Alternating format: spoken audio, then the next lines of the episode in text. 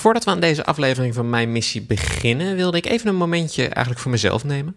Uh, dit is namelijk de allerlaatste aflevering die ik ga presenteren. Na ruim een jaar en meer dan 50 interviews is het eigenlijk tijd voor een nieuwe stem. Kapitein Maarten Grendel, die al een drietal afleveringen heeft gemaakt, neemt het stokje vanaf nu dus definitief over. En we doen het al een tijdje informeel, maar vanaf nu gaat mijn missie ook om de week verschijnen, dus iedere 14 dagen. Eh, ik wil je onwijs bedanken voor alle vragen en alle feedback en de aandacht het afgelopen jaar. Eh, en of je nu één aflevering of echt iedere aflevering hebt beluisterd, ik vind je echt super tof. Uh, maar nu nog één keer, en ik heb het altijd al willen zeggen: start the music. Je leert niet alleen een manager zijn, maar ook een inspirerend leider die door het juiste voorbeeld te geven zijn personeel voorwaarts de juiste richting in krijgt. ik denk, ja, het heeft een betere basis gelegd voor de officier die ik kan gaan worden. Maar je hebt gewoon de vrijheid om op donderdagavond een drankje te gaan doen in de stad. Als je vrijdagochtend maar, maar blijft staan op appel. Een stuk of dertig boeken die je zou kunnen lezen als je je wil verdiepen in bepaalde stijlen van leiderschap. Je wordt daar ingezet door de politiek. En binnen jouw macht kan jij jouw functie op de best mogelijke manier uitoefenen. Welkom bij Mijn Missie, de tweewekelijkse interviewserie van Landmacht FM. Mijn naam is Patrick Regan. Tweede luitenant Tom Goudriaan is net klaar met zijn eh, vierde jaar op de Koninklijke Militaire Academie in Breda. Met andere woorden, eh, hij heeft zijn opleiding tot officier eigenlijk afgerond. En dat is wel een mooi moment om het eens met hem te hebben over die, die, die KMA in Breda. Hoe daar dan die, die ja, officieren van de landmacht worden opgeleid. En eigenlijk officieren van de hele krijgsmacht worden opgeleid. En hoe ze daar leren om jonge leiders te zijn. Maar laten we beginnen met welkom, Tom. Ja, dankjewel. Het is, uh, het is goed om hier te zijn. Ik vind het leuk. Ik ben uh, eigenlijk heel benieuwd naar een, een, een, gerucht waarvan ik weet dat het geen gerucht is, want ik weet dat het bestaat. Maar ik wil het gewoon graag uit jouw mond horen, want dat vind ik veel leuker. Uh, er zit een bar in de KMA, toch? Jazeker. Als je het kasteel van Breda binnenloopt door de Henricuspoort, dan kijk je er eigenlijk meteen op. En dat is de Spijkerbar, zo heet die. Dan ben je nu net klaar met je vierde jaar. In die vier jaar, hoeveel uren heb jij die Spijkerbar gezeten? Nou, dat valt wel mee. Ik uh, was meer uh, in de sportschool uh, en in het zwembad en op de, de Sintelbaan te vinden. Maar ja, af en toe even stoom afblazen op donderdagavond met een spaarrood, dat, dat was er wel bij. Hey, de, um, we zijn net klaar met je vierde jaar. Um, ik, ik, denk dat heel veel mensen die hier naar luisteren eigenlijk geen flauw idee hebben van wat de KMA is, hoe het eruit ziet. Um, het feit dat het vier jaar duurt vertelt me dat het een uh, volwaardige opleiding is. Kun je me eens meenemen door die, die vier jaar die je daar hebt besteed, zeg maar, hoe dat is gegaan, wat je allemaal hebt meegemaakt en eigenlijk ja, hoe het, het, opleidingsproces ook loopt? normaal gesproken dan uh, kom je op de KMA en dan heb je of je HBO of je VWO uh, afgerond. En dan ben je nog een, uh, nog een burger, een spijkerbroek zoals we dat uh, bij Defensie noemen. En dan kom je binnen op de Kamer. Dan begin je eigenlijk met de BO 1, de beroepsopleiding 1. dat is een periode die van september tot ongeveer de kerstvakantie duurt. En dat is eigenlijk een algemeen militaire opleiding, maar met leidinggevende aspecten. Dus je krijgt het hele commandovoeringssysteem uitgelegd. En je gaat uh, aan je niveau 1 uh, eh, werken in het bos, maar ook uh, aan je, je leidinggevende capaciteiten en eigenschappen. Als je die hebt afgerond, dan ga je eigenlijk de studie in. En afhankelijk van het langmodel wat ik heb gedaan, of het kortmodel wat HBO of WO'ers gaan volgen, ehm, ga je een bepaald studietraject in. Um, wij hebben eerst de GO gedaan, de gemeenschappelijke officiersopleiding. Dat duurt ongeveer een jaartje. En uh, daarin krijg je al je vakken aangeleerd. Dan zit je nog met alle studierichtingen bij elkaar. En na dat jaar, dan ga je uh, je specifieke studierichting op. De mensen die een technische studie doen, die gaan uh, richting Den Helder. En de kadetten die krijgswetenschappen en militaire bedrijfswetenschappen studeren, die blijven in Breda. En dan ga je daar um, tot aan je vierde jaar ga je, je studie volgen. Met dienverstanden dat de BO 2, 3 en 4 ook nog tussendoor komen. En dat is steeds een blok van acht weken die ieder jaar terug blijft komen. En in de BO 4, als je die hebt afgerond, eh, dan uh, word je bevorderd tot uh, tweede luitenant of tot vaandrig als je kortmodel hebt gedaan. En dan heb je dus eigenlijk um, in die gedurende die hele vier jaar heb je uh, constant een afwisseling tussen schoolbanken en ja, groen werk, zeg maar? Ja, ja, dat heb je helemaal goed. Dat klopt. En eigenlijk eh, om even helemaal terug te gaan naar het begin, gewoon jou, jouzelf. Want je zat op een gegeven moment ben je van de middelbare school afgekomen en toen besloot je, ik ga naar de KMA. Um, nou, dat is bij mij net even iets anders gegaan. Ik ben eerst politicologie gaan studeren toen ik 18 was, maar ik had er eigenlijk helemaal geen zin in en ik zag er heel erg tegen op. En uh, ik hield niet van uh, studeren en stilzitten. Ik had eigenlijk uh, met pijn en moeite mijn VWO gehaald. En na een halfjaartje ben ik daarom daar ook mee gestopt. En toen ben ik uh, bij Defensie terechtgekomen, omdat ik heel erg hou van fysiek bezig zijn. Uh, ik had verhalen gehoord van het kameraadschap uh, binnen Defensie en dat trok mij heel erg. En toen heb ik gesolliciteerd voor, voor de commando's. daar ben ik toen op mijn achttiende ben ik dat gaan doen. Ik heb eerst mijn rode beret gehaald en toen richting Roosendaal gegaan. En nou, ik was nog net even iets te jong en onervaren, dus dat werd hem niet. En toen ben ik minimi-schutter geworden bij 11 Alpha, de Koningscompie, bij Luchtmobiel. En ja, daar kwam ik erachter dat soldaat zijn heel leuk is, maar niet te lang. En uh, dat ik uh, eigenlijk wel uh, wat meer wilde doen met mijn hersenen. En dat ik meer kon betekenen voor Defensie dan alleen maar volgen. En zodoende ben ik bij de KMA terechtgekomen. Dat is echt een van de beste keuzes die ik heb gemaakt. Want klopte uiteindelijk het, het, beeld wat jij zeg maar had van de KMA? Ik neem aan dat je een soort idee had van wat je dan ging doen die vier jaar dat je daar zat. kwam dat overeen met wat er uiteindelijk gebeurde? Um, nou, ik had een heel negatief beeld van uh, het kadettenkoor. En ik had een zeer negatief beeld over de studie. Daar had ik uh, eigenlijk, nou ja, ik keek er een beetje tegenop. Want ik was er al drie jaar uit geweest. Ik wist niet of ik uh, dat nog in me had om, om stil te zitten en tentamens te leren en te maken en dergelijke. Ja. Maar uiteindelijk vielen eigenlijk die twee negatieve vooroordelen ontzettend mee. En heb ik juist van die twee pijlers ontzettend veel geleerd. Ik vind hem een beetje. Uh, je hebt eigenlijk een soort rare positie, want je komt dan uh, de KMA in en daar, je hebt al militaire ervaring. Dus het, het stukje van spijkerbroek naar groenverven, dat, dat heb je al gedaan. Ja. Doe je dan wel gewoon mee met iedereen? Of heb je dan, begin je zeg maar met een soort voorsprong? Um, ik doe mee, maar ik heb wel een, een voorsprong. Ik was wat ouder dan de gemiddelde kadet. Ik was volgens mij 21 en de rest was 18. Um, maar ik was niet de enige in mijn peloton die, uh, die deze achtergrond had. We waren met z'n drieën. En ja, ik vond het eigenlijk hartstikke prettig hoe de instructeurs dat oppakten. Want ik kreeg eigenlijk een soort uh, ja, instructeursrol binnen mijn groep. Dus ik maakte precies hetzelfde mee. En natuurlijk had ik al wel ervaring, alleen ik had nog nooit leiding gegeven binnen, binnen Defensie. Dus dat was voor mij ook helemaal nieuw. Uh, maar wat exercitie betreft, wat wapenhandelingen betreft, wat uh, op bivak gaan uh, en dergelijke betreft, kon ik iedereen ontzettend goed helpen en kreeg ik meer verantwoordelijkheid van, van instructeurs om, daar, om daarin ja, ook zelf me te ontwikkelen. Hoe was dat voor, uh, nou, jij zelf had het dan eerder al, al, meegemaakt, maar ook voor de, voor de kadetten zeg maar, die voor het eerst Defensie binnenkwamen. Hoe gaat dat eerste uh, stuk, zeg maar, om dan, uh, het, het, zo te zeggen, je, je spijkerbroek uit te trekken en een groene broek aan te trekken? Ja. ja, dat was voor sommigen was dat wel even, even slikken, even heftig.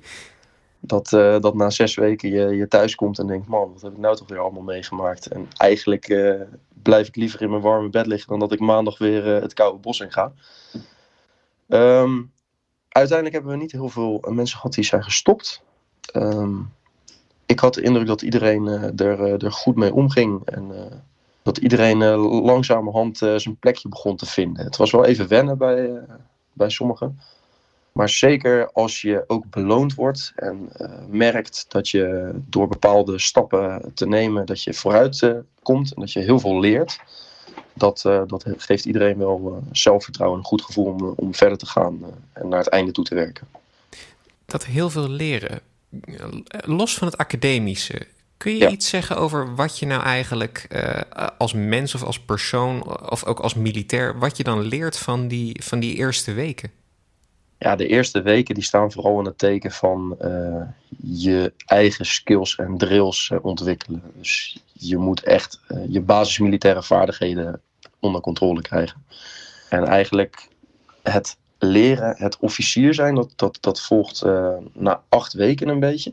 Mm -hmm. En dan ga je samen met het ECLD, het Defensie Leiderschapscentrum, ga je je verdiepen in leiderschapstijlen en ga je mensgericht dan wel taakgericht je competenties ontwikkelen. En daar ligt mijn inziens echt uh, ja, de meerwaarde van, uh, van de officiersopleiding. Want dat, dat, dat leiderschap. Um, ik neem aan dat uh, het wel een stukje verder gaat dan zeg maar een managementopleiding waarbij je leert hoe je mensen in moet plannen en dat soort zaken. Het, het, het gaat op een heel ander niveau dit. Ja, je leert uh, niet alleen een manager zijn, maar ook een inspirerend uh, leider met, met charisma die uh, door het juiste voorbeeld te geven en door de juiste tonen aan te halen bij, bij zijn mannen, zijn, zijn personeel voorwaarts de juiste richting in krijgt. Denk je dat iedereen dat kan? Um, nou, sommige mensen die hebben het net iets meer inzicht dan anderen. Maar de, de basisvaardigheden die, die zijn wel, eh, wel aan te leren. En de dingetjes waar je op moet letten. Ik denk dat het belangrijkste is dat iedereen vooral eh, zichzelf blijft en geen, eh, geen rol gaat, gaat aannemen. Maar dat, dat wordt je ook heel duidelijk aangeleerd. Kun je een, een, klein beetje de, de, de, praktische kant op, zeg maar, van het, uh, het aanleren van die vaardigheden van leiderschap? Hoe leer je dat soort dingen aan? Dat gaat dan denk ik vooral met, met oefeningen en gewoon heel veel dingen doen. Um, ja, aan de ene kant wel. En aan de andere kant is het ook uh, heel veel um, reflecteren. Uh, met elkaar in een lokaal zitten en uh, de dialoog opzoeken. En inderdaad situaties bespreken en hoe je daarop reageert. Maar ook jezelf helemaal leren ontdekken. En dat was voor mij heel interessant. Want ik was gevormd als soldaat en ik moest mezelf gaan, gaan omvormen tot een officier, of een aspirant officier. En juist die, die reflectiemomenten, die uh, gespreksvormen, dat, dat heeft mij het meeste, meeste geleerd. Kun je daar iets over, uh, iets specifieker over zijn? Van wat je daar dan voor inzichten had? Of? Nou, bij de luchtmobiele brigade is het uh, van belang dat jij drie kilometer loopt op, op de Cooper-test. Dat je gewoon goed voor, voorwaarts blijft gaan met een zware rugzak om je kast. En als je dat niet kan, dan ben je eigenlijk al afgeschreven en dan hebben we niks aan je. Nou is dat heel, uh, heel kort door de bocht, maar zo denken luchtmobiele soldaten erover. En met die instelling kwam ik in een, uh, in een peloton met, uh, met meiden van 18 jaar oud die 55 kilo wogen. Ja, fysiek gezien ga je daar niet heel veel aan hebben in het veld. Ondanks dat ze prima hun mannetje kunnen staan. maar ik ben pas later in het, tot het inzicht gekomen dat, dat die meiden van een hele andere waarde kunnen zijn. Zij zijn bijvoorbeeld veel beter in het plannen en organiseren van bepaalde zaken. Of zij hebben een veel gevoeligere kant die ik dan mis, waar ik hun voor kan gebruiken om dan zelf daar, uh, daar weer een beter inzicht in te krijgen. Dus dat, dat zijn een paar kleine, kleine dingetjes die, uh, waar ik wel uh, in, in ben veranderd. En dan heb je misschien ook op de KMA is een peloton ook wel veel diverser dan bij een willekeurige eenheid waar je als soldaat terechtkomt. Ja, zeker weten. Vanuit alle, alle windrichtingen van Nederland komen ze vandaan.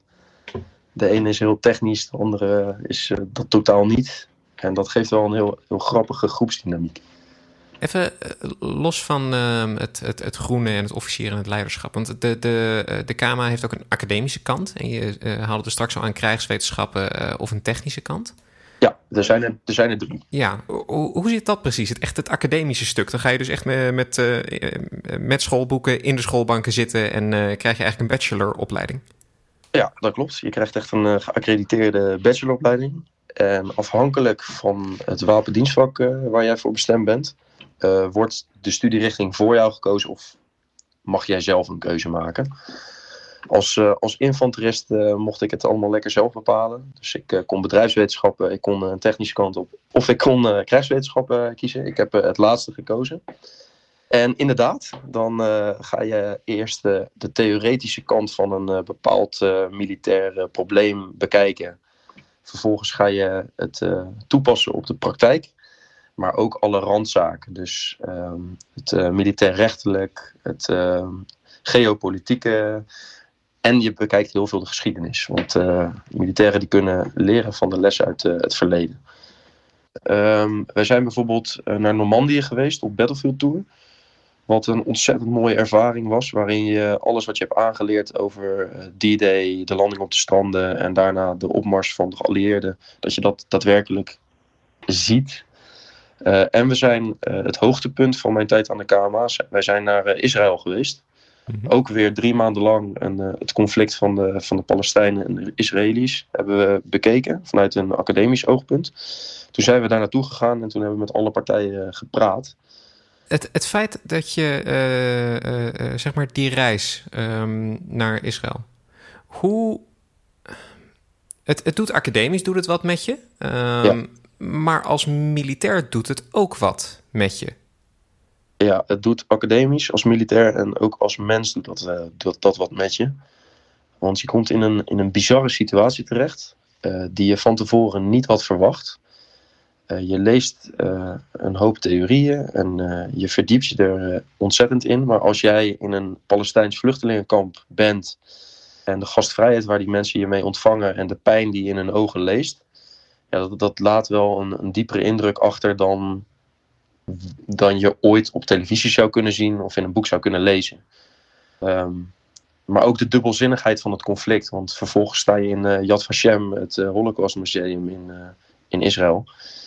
En dan zie je ook de andere kant van het verhaal. En, en waar, de, waar de Israëli's vandaan komen. En ja, je probeert het allemaal te begrijpen, maar je zit er niet middenin. En het enige wat je kan doen is uh, verschillende narratieven aanhoren. En ja, we zijn nog niet zo. We zijn uiteindelijk tot de conclusie gekomen dat je geen oordeel kan vellen, maar alleen maar het, het, het conflict kan beschouwen en steeds vanuit een andere hoek kan, uh, kan bekijken. Maar dat is wel het, het meest waardevolle geweest van mijn, uh, van mijn academische opleiding, de reis naar Israël. Ja.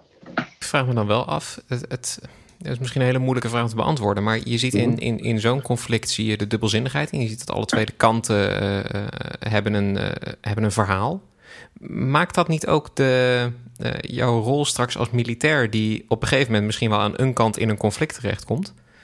Dat wordt ook wel lastiger om daar dan nog vol voor te gaan. Of heeft het je juist gesterkt in je keuze om militair te zijn? Nou, het belangrijkste van het zijn van militair is denk ik dat je de situatie begrijpt. Uh, dat je kan denken vanuit uh, emic approach, zo heet dat. Denken vanuit de ander. Wat zouden zij van mij willen zien? En dat je op die manier zelf het beste voor beide partijen kan bereiken. dus het inzicht dat er verschillende narratieven zijn. Het inzicht dat een conflict heel erg dubbel kan zijn. Dat, dat beide partijen zowel gelijk als ongelijk hebben. En dat een op oplossing heel moeilijk is. Zo kan jij als uh, officier op jouw eilandje, binnen jouw circle of influence, kan je ja, de wereld een stukje beter maken. Kijk, uh, ik ben me er terdege bewust van dat je als pelotonscommandant of als kapitein of zelfs als generaal uh, niet de macht hebt om een conflict ten gunste of ten goede te beëindigen of, of iets dergelijks. Maar je wordt daar ingezet door de politiek. En binnen jouw uh, macht kan jij jouw functie op de best mogelijke manier uitoefenen. En ik denk zeker dat, uh, dat die reis naar Israël daar wel heeft, aan heeft bijgedragen. Als je het dan vergelijkt met je reis naar um, Normandië, um, dat is een heel ander soort uh, situatie waar je dan in komt, ook een heel ander soort verhaal. wat neem je daar dan uit mee? Um, nou, ik denk vooral dat de reis naar Normandië qua enthousiasme voor de studie heel veel goed heeft gedaan. Um, we zijn daar als klas heel erg naar elkaar toe gegroeid. We hebben daar echt weer zin gekregen om verder te studeren. De lessen uit de Tweede Wereldoorlog aan zich zijn niet meer zo heel erg relevant. Maar de onderliggende uh, lessen, zoals uh, de creativiteit van de Amerikanen toen ze vastkwamen te zitten in het, uh, in het bokagelandschap. Hoe zij van de het metaal dat de Duitsers gebruikten om hun tanks tegen te houden een soort uh, maakten en monteerden aan hun tanks. Dat laat wel die adaptiviteit zien die, die je ook nu nog steeds kan gebruiken. Dus het was vooral een hele leuke reis, een hele leerzame reis. Uh, heel erg, um, een hele erge teambuilding voor onze klas, waardoor we weer zin kregen en, uh, om te studeren. Maar dat soort dingen hebben we er ook van geleerd iets minder vormend en iets minder indrukwekkend dan Israël, maar ook zeker de moeite waard. Die, die, die krijgswetenschap, op het moment dat je mij zegt, ik heb krijgswetenschappen gedaan ehm, en heb daar mijn uh, KMA mee afgerond, dan denk ik direct: oké, jij kan ons straks de grote oorlog in gaan leiden en jij bent de generaal die, die aan het hoofd staat. Of is het zover nog niet? Nee, nee, nee, nee, nee zover is het niet. Nee, ehm, het nut en belang van onze academische opleiding is dat wij een bepaald eh, denkniveau hebben. Dat we, als wij een analyse maken, als tweede luitenant, als pelotonscommandant, dat we niet de eerste, de beste uh, aangedragen optie kiezen, maar dat we het probleem vanuit verschillende hoeken bekijken. Dan een afweging maken en dan uiteindelijk uh, de beste optie kiezen. Um, ik, ik heb wel algemene kennis van oorlogvoering, van geschiedenis, van recht, van um, van politiek. Maar ik uh, ben zeker nog niet uh, op het niveau van generaal. Gelukkig niet. Hoe werkt dat als je, uh, je hebt dan die, die vier jaar afgerond, dan ben je tweede luitenant. Um, ja. Je gaat dan een soort stage lopen, om het makkelijk te zeggen, toch? Ja, sommige wapendienstvakken wel. bij de geneeskundige dienst weet ik bijvoorbeeld dat dat het geval is. Dan word je eigenlijk al op je startfunctie geplaatst en dan werk je een bepaald takenboek af. Maar voor mij als infanterist uh, ga ik uh, naar Amersfoort, naar de manoeuvreschool. En dan heb ik tot uh, eind mei een vaktechnische opleiding tot infanterist. Kun je iets, heb je al enig beeld van wat er dan nog extra op je afkomt, zeg maar, wat je dan op de KMA nog niet hebt meegekregen? Um, ja, op, op de KMA wordt je niveau 2 af, afgeleverd. Dus je hebt wel een beetje kunnen snuffelen aan het pelotons optreden, maar je bent vooral met de groep aan de slag geweest. En uh, de vaktechnische opleiding infanterie staat echt uh, volledig in het teken van, uh, van niveau 3. Jij wordt later de pelotonscommandant die drie groepscommandanten aanstuurt. hun informatie doorbrieft naar het hogere dek, naar de kompiescommandant. En dat ga je uit een treuren trainen in allerlei situaties, zowel defensief als offensief, als stabiliserend. En daar ben je echt acht maanden lang mee in de weer. Dus daar waar je op de KMA uh, wordt afgeleverd als algemeen officier, iedereen is in principe op hetzelfde niveau. Uh, ga jij in de vaktechnische opleiding uh, een verdieping maken in jouw specifieke vakgebied. Ja, want er zijn, um, voor zover ik het kan overzien, vast nog veel meer. Maar er zijn vaktechnische opleidingen voor de logistiek, voor de uh, communication en engagement, dus mijn, uh, mijn wereld. Uh, ja. Waar je ook terecht komt binnen de krijgsmacht. Eigenlijk, er is altijd wel een opleiding die je daarna nog, nog kan doen om je wat specifieker op te leiden. Ja, behalve bij de luchtmacht, daar kan het wel eens zo zijn dat je direct op functie komt. Maar gelukkig doen wij daar geen zaken mee. Ik heb in deze, in, deze podcast heb ik met heel veel kapiteins, majoors, overstes, uh, allerlei uh, uh, mensen gesproken. En die allemaal eigenlijk als, als pelotonscommandant of compagniescommandant in Oeruzgan ehm, zijn geweest. En daar ook in gevechten terecht zijn gekomen. En allemaal ja, dat soort zaken hebben meegemaakt. Ik ben heel erg benieuwd, omdat Nederland zit nu niet echt in een vergelijkbare situatie. Zijn dat wel dingen waar je in je opleiding mee bezig bent geweest? Of bereid je je toch op iets heel anders voor dan? Nee, daar ben je zeker mee bezig. Uh, zowel op het uh, groene gedeelte als in de studie. In het beroepsgedeelte hebben we het heel veel met onze instructeurs daarover. Hoe je in zo'n situatie moet reageren. En je wordt er eigenlijk wel ja, een soort van op voorbereid. En zij halen heel veel voorbeelden aan hoe het toen was en hoe je daar nu mee om zou moeten gaan. En in de studie is het ook een ontzettend veel voorkomend onderwerp. Ja, er zijn heel veel krijgswetenschappelijke theorieën die uitstekend in, uh, in Afghanistan, of op Afghanistan kan toepassen. Dus nee, dat is zeker geen, uh, geen onderwerp uit het verleden. En ik denk ook dat we daar uh, in de toekomst heel veel van kunnen leren. Over de ervaringen van, van de majors en de kapiteins. En om dan een klein beetje de stap naar het, ook het, het leven als student te maken. Want uiteindelijk heb je gewoon je studententijd ehm, aan de KMA gehad.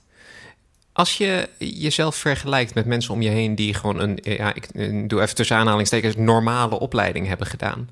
Is jouw studententijd dan vergelijkbaar? Of is het zo anders dat het een compleet andere planeet is waar je waar je, je in begeeft op de KMA? Ik denk dat dat heel persoonsafhankelijk is. Ik denk dat uh, pelotonsgenootjes van mij uh, een prima vergelijkbare studententijd hebben gehad als, uh, als een burgerstudent. Het enige verschil is dat wij de rijkste studenten zijn van Nederland. Uh, onze studie wordt voor ons betaald en wij krijgen salaris. daar staat natuurlijk wel wat, uh, wat tegenover. Want uh, als ik naar mezelf kijk, dan maak ik wel werkweken van nou, 50, 55 uur. Um, maar daar komen ook veel, veel core dingen bij kijken. Daar zal ik het zo meteen nog even over hebben. Maar je hebt gewoon de vrijheid om op donderdagavond een drankje te gaan doen in de stad. als je vrijdagochtend maar, maar blijft staan op appel. En als je maar in staat bent om je sportles om tien over acht zonder over te geven kan volbrengen. Dus ja, het is, het is maar net hoe je er zelf invulling aan wil geven. Ik, ik was wat ouder. Ik, had, ik heb sowieso nooit echt behoefte gehad aan, aan studententijd of iets dergelijks. Ik heb wel gewoon genoten van mijn tijd op de KMA. Maar dat heb ik vooral ja, middels de uitstekende sportfaciliteiten kunnen doen in Breda. Dus voor de burgers die luisteren naar deze podcast en bang zijn dat ze in een of andere gevangenis terechtkomen, dat is echt totaal niet het geval. Je kan prima, prima feestjes meepakken. Alleen je moet je wel bewust zijn van je voorbeeldfunctie als militair. Ehm, dus dat. Er zit wel een, een extra, ja, extra randje of een extra verantwoordelijkheid misschien wel aan het, uh, het, feit dat je op het moment dat je de KMA binnenloopt al een ja, aspirant officier bent. Ja, zeker. Ja, daar moet je je heel goed uh, bewust van zijn. Uh, en natuurlijk is het menselijk dat je in de opleiding daar een foutje in maakt. En dat is geen enkel probleem. ja, daar is de KMA ook voor. Het is een veilige leeromgeving. Alleen ja, als je het te bond maakt, dan dat is niet handig. Dus wees, je moet je er altijd bewust van zijn dat je, dat je onder een vergrootglas ligt. Je hebt nu twee keer het, uh, het kadettenkoor genoemd. Eén keer uh, met de term vooroordeel en de andere keer met de term dat je er toch wel veel mee te maken hebt gehad. ja. ja, dan moet ik om uitleg vragen. Ja, nou, dat, dat mag. Nee, het kadettenkoor klinkt als het Amsterdamse studentenkoor. als ontzettend studenticoos en vo en dat soort dingen. Um, dat dacht ik van tevoren. Nou bleek dat echt totaal niet waar te zijn. Zeker als langmodel kadet is het de uitgelezen kans om uh, je sociaal te manifesteren. Om, ja, ik vind het een beetje een vies woord, maar ja, netwerken, dat is ook heel belangrijk. Ik ken bijvoorbeeld iedereen vier jaar boven me, maar ook vier jaar onder me. En ja, als je mensen kent in een organisatie als Defensie, is ontzettend handig. Als je iets nodig hebt, dan heb je overal lijntjes waar je mensen op kan aanspreken. En ja, mijn, uh, mijn competentieontwikkeling, uh, mijn, uh, het omvormen van een, een soldaat naar een, naar een officier, dat is vooral, denk ik, in het, in het gebeurd. Ik heb in mijn eerste jaar bijvoorbeeld een, een boksgala georganiseerd voor, voor 500 man. Ja, dat, dat is ontzettend uitdagend, hartstikke leuk. En ehm, ik heb in mijn, ik, daarna ben ik vooral bezig geweest met, met de coatijd. Dat is het inwijdingsritueel voordat je toe kan treden tot, uh, tot het kadettenkoor. En dan ben je ontzettend veel bezig met, uh, met vorming en met uh, doelstellingen, effecten en um, risicoanalyses en het inperken van macht, het bezig zijn met, met het hebben van een machtspositie en dat soort zaken. Dus ja, daar, ja, het kadettenkoor heeft mij echt niks dan goeds gebracht. Ondanks dat het in het begin een beetje vies klonk. En eh, ergens proef ik ook inderdaad uit je woorden dat je. Um, het heeft je niet alleen niet zo goed gebracht, het heeft je ook uiteindelijk uh, gewoon een beter officier gemaakt in die zin. Uh, ik denk, ja, het heeft een betere basis gelegd voor de officier die ik kan gaan worden. Ja. Je zegt het wel heel mooi, de officier die je kan gaan worden. Hoe zie jij nu de rest van je tijd naar je, naar je toe komen? Want je gaat nu inderdaad de VTO en daarna krijg je een, krijg je een startfunctie. Um, ga je daar nog heel veel in groeien? Hoe ben je daarop voorbereid eigenlijk? Um, nou, ik ben nu in ieder geval voldoende voorbereid om uh, aan de VTO te beginnen. Ik denk dat ik na de VTO uh, voldoende skills en drills heb om uh, aan mijn startfunctie te beginnen. En ik denk dat het daarna een kwestie is van jezelf blijven prikkelen om te blijven leren. En wij hebben een aantal jaarkapiteins gehad op de KMA en die zijn ontzettend goed geweest. We hebben ook een aantal gehad die die minder uh, briljant waren. Maar juist van die goede jaarkapiteins krijg je, krijg je tips mee. Uh, leeslijsten bijvoorbeeld met uh, een stuk of dertig boeken die je zou kunnen lezen als je je wil verdiepen in bepaalde stijlen van leiderschap en dat soort dingen. Defensie die kan je nog een, master aanbieden als je, als je dat nodig acht. Ik denk dat zeker in je startfunctie dat je, dat je die, die leerlijn zelf op moet blijven zoeken. Maar in je tijd op de KMA wordt dat wel heel erg benadrukt dat dat van belang is. Dat is een, een pijler. Zijn, doen en leren. En blijven leren is van essentieel belang als, uh, als officier. En je hebt zelf al ervaring als uh, soldaat. Helpt jou dat uh, als je dan straks ja, de leiding hebt over zo'n groep soldaten? Dat weet ik niet. Ehm, ik hoop van wel. Ik denk dat het voor- en nadelen heeft. Voordeel is dat ik, ik ben al wat ouder. Ik, uh, ik heb mijn rode beret al. Dus als ik straks uh, voor een peloton kom staan, dan heb je niet dat je jezelf eerst weer volledig moet bewijzen. Je hebt een streepje voor. Um, ik weet een klein beetje hoe soldaten denken. want ja, ik weet hoe ik zelf dacht en ik weet hoe de, de mensen om mij heen toen dachten. Wat zij een beetje verwachten van een officier, wat ze, wat ze hopen te zien en dat soort dingen. Maar ik denk dat het ook nadelen heeft. Want uh, misschien dat ik uh, de neiging heb om te veel naar de soldaten toe te trekken of zoiets dergelijks. Ja, ik ben me daar nu al bewust van, dus ik denk dat het wel mee zal vallen. Maar ja. Het voelt, ik... voor, mij, het voelt voor mij ook heel erg alsof de, uh, je, je opleiding aan de KMA heeft je um, die zelfreflectie die je een paar keer noemde, die herken ik ook al in het gesprek dat wij nu hebben. Het feit dat je zelf al nadenkt over dat soort zaken. Um, dat zegt wel iets over de, de, achtergrond en de, ja, de, uh, de grondslag eigenlijk die je al hebt opgebouwd. Ja, ik, ik denk dat het wel waar is. En uh, daar ben ik uh, de KMA en vooral de instructeurs van um, de BO-blokken, van de beroepsopleidingblokken, ben ik daar heel dankbaar voor. Dat zijn echt stuk voor stuk zijn dat ontzettend capabele, capabele mensen. Die echt naar de KMA toekomen met de instelling, ik ga mensen afleveren waar ik later uh, OPC mee zou willen zijn. Die ik later zou in mijn peloton zou willen hebben, waar ik onder zou willen dienen. Zo zitten ze daar. Dus nee, dat, uh, niks dan lof voor, voor de instructeurs van, van 5KL.